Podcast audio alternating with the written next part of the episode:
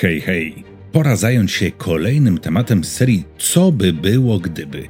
I na karcie społeczności na YouTubie wybraliście wspólne zastanawianie się nad tym, co by było, gdyby Anakin zabił imperatora. Pomysł na odcinek nie jest zupełnie od czapy, bo przecież jedną z największych obaw, jakie miał Palpatine, było to, że potężny wybraniec kiedyś sięgnie po władzę. W końcu no, na tym polegała zasada dwóch, że uczeń, kiedy osiągnie potęgę, to zgładzi swojego mistrza i sam stanie się mistrzem.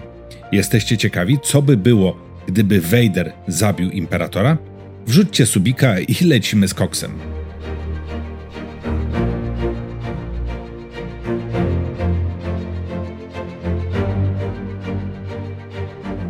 Po pierwsze, i wiemy to zarówno z kanonu, jak i legend, Palpatine nieco ograniczał potęgę Vadera. Żerował na jego lękach, a po drugie, no, sama zbroja zaprojektowana była tak, aby była niewygodna i ograniczała ruchy. Zbroja sprawiała też, że Vader nie mógł stosować np. błyskawic mocy, a sam na owe pioruny był bardzo podatny, no bo uszkadzały one wrażliwą aparaturę podtrzymującą życie. Po trzecie wreszcie, imperator ciągle obserwował Vadera. To, że Vader chce obalić imperatora, wiemy po tym, jak w legendach na przykład szkolił swojego tajnego ucznia, czy choćby już w kanonie, w Imperium kontratakuje, wyciągał rękę do Luka i obiecywał mu, że razem będą rządzić galaktyką. Skoro no, będą rządzić razem, to znaczy raczej, że imperatora trzeba będzie się pozbyć. W legendach zresztą było opisane kilkukrotnie, jak imperator karał nielojalność Vadera. Pomysł, że Vader zabije imperatora, pojawił się już nawet w grze komputerowej Star Wars Episode 3. Tam, w alternatywnym, że tak powiem, zakończeniu, mamy pokazane, jak Kenobi, pomimo tego, że ma high ground na Mustafar, nie trafia przeskakującego nad nim Anakina i to Skywalker przejmuje inicjatywę. Szybko przebija mieczem świetlnym swojego mistrza, a jego bezwładne ciało strąca kopniakiem na skraj rzeki lawy. Następnie spotyka się z Palpatinem, który przyleciał na Mustafar. Imperator gratuluje swojemu uczniowi zwycięstwa i wręcza mu nowy, czerwony miecz świetlny. Skywalker, nie zastanawiając się długo, przebija imperatora nowym mieczem, a klony nie strzelają. Następnie Vader ogłasza się nowym imperatorem. Ciekawe, prawda? Zastanawiam się, jakby wtedy Vader, w tym momencie przypominam jeszcze bez swojej ikonicznej zbroi, wrócił na Korusant i co? Bez popleczników i całego przygotowania politycznego stanąłby przed Senatem? No, co by się wtedy stało?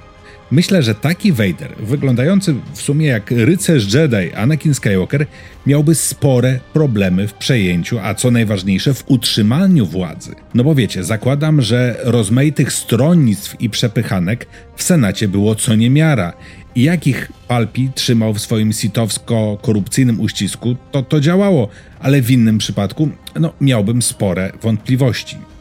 Domyślam się, że później Vader już w swojej ikonicznej zbroi miał zakusy na zabicie imperatora, no bo w sumie imperator nie był mu potrzebny.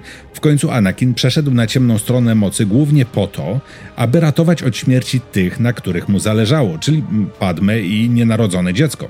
Teraz Padme nie żyła, do zakonu Jedi no, nie miał powrotu, bo zakon go zdradził, a jego mentor i przyjaciel Kenobi no, zdradził go najbardziej, więc myślę, że już wtedy niejednokrotnie Vader myślał o tym, że Palpatine no, nie jest mu potrzebny, więc można było go wyeliminować. Vader próbował zgładzić imperatora i mamy to pokazane nie tylko w alternatywnym zakończeniu gry, o którym wspomniałem. Przecież cała historia opowiedziana w grach The Force Unleashed ze szkoleniem tajnego ucznia, a nawet stworzeniem klonów Galena Mareka, gdzieś tam w ogólnym rozrachunku miała uczynić z Vadera mistrza, no bo skoro będzie miał swojego własnego ucznia, to będzie mistrzem, nie? I y, miała mu pomóc uwolnić się spod wpływu Palpatina. Jeśli sięgniemy po kanoniczne źródło, czyli na przykład komiks Darth Vader, to dowiemy się z niego, że w istocie Vader planował przejęcie władzy, ale problemem dla niego był właśnie brak popleczników. Co w sumie miał na swoje własne życzenie. Rządził strachem, a ktoś, kto się boi, no może łatwo zdradzić. Nieposłusznych oficerów marynarki imperialnej no, Vader dusił. W komiksach mamy na przykład też opisaną historię, jak dogadywał się z chatami, ale też to dogadywanie nie skończyło się dla chatów najlepiej.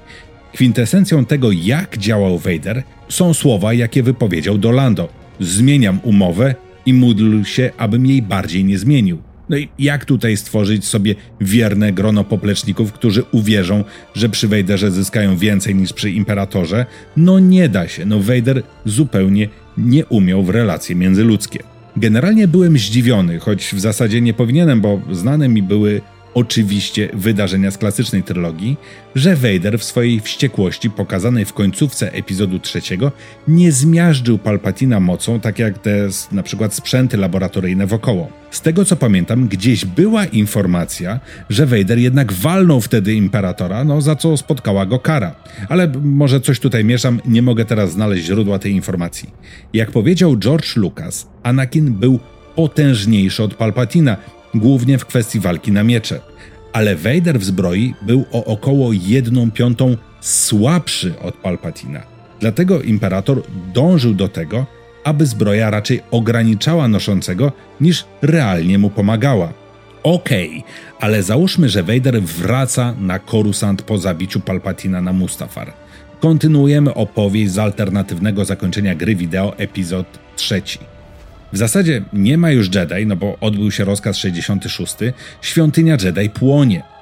Anakin zaczyna tworzyć inkwizycję nie tylko po to, aby ścigać ocalałych Jedi, ale aby stworzyć wewnętrzną superpolicję, która będzie pilnowała porządku i, no nie ukrywajmy też, pilnowała samego Vadera. Klony otrzymują rozkaz zabicia każdego senatora. W ten sposób Senat przestaje istnieć. Przetrwać udaje się nielicznym. Mon Mothmie i Bailowi Organie na pewno, ale w sumie niewielu więcej. Te wydarzenia dzieją się niemal natychmiast po powrocie Vadera na Coruscant. Jednocześnie dowódcy wojskowi w odległych sektorach otrzymują bardzo dużą samodzielność. Vader no nie ma po prostu sił i środków, aby pilnować samemu całej galaktyki.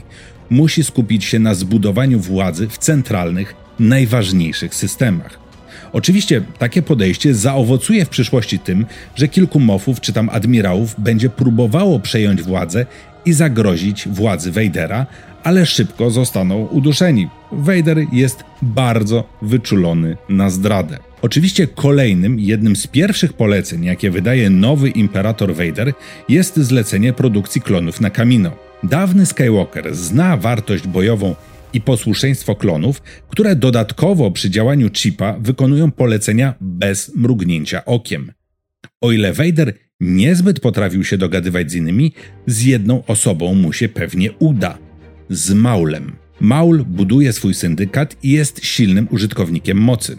Oczywiście no, Maul nie zostanie uczniem Vadera, bo na to jest zbyt potężny w mocy i zbyt sprytny, ale przez jakiś czas obaj użytkownicy ciemnej strony mocy będą współpracować. Vader po prostu potrzebuje syndykatu i Mandalorian, którzy stanęli po stronie Maula. Zastanawiam się jednak, jak panowie by się dogadali, co Vader musiałby obiecać Maulowi, aby Rogaty zgodził się na współpracę?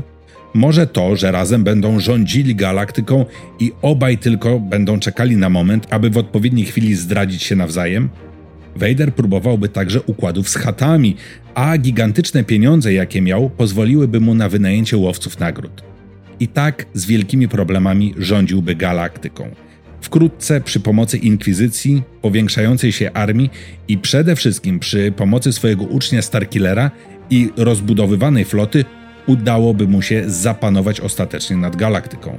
Do czasu, aż pojawi się jego syn, jest jeszcze jedna możliwość. Może po krótkim czasie Vader obsadziłby kogoś w roli kanclerza, może nawet kogoś podszywającego się pod Palpatina. Jeśli miałaby to być nowa osoba, no to nie widzę problemu, dla którego Vader nie mógł zastraszyć odpowiedniej liczby senatorów, aby oddali głos po jego myśli.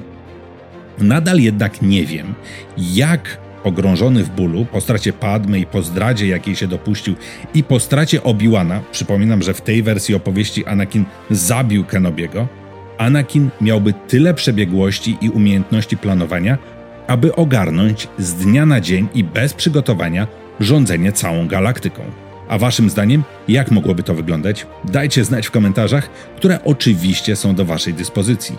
Ja tymczasem się już żegnam i przypominam, abyście się często uśmiechali, uważali na siebie, a wtedy na pewno moc będzie z wami.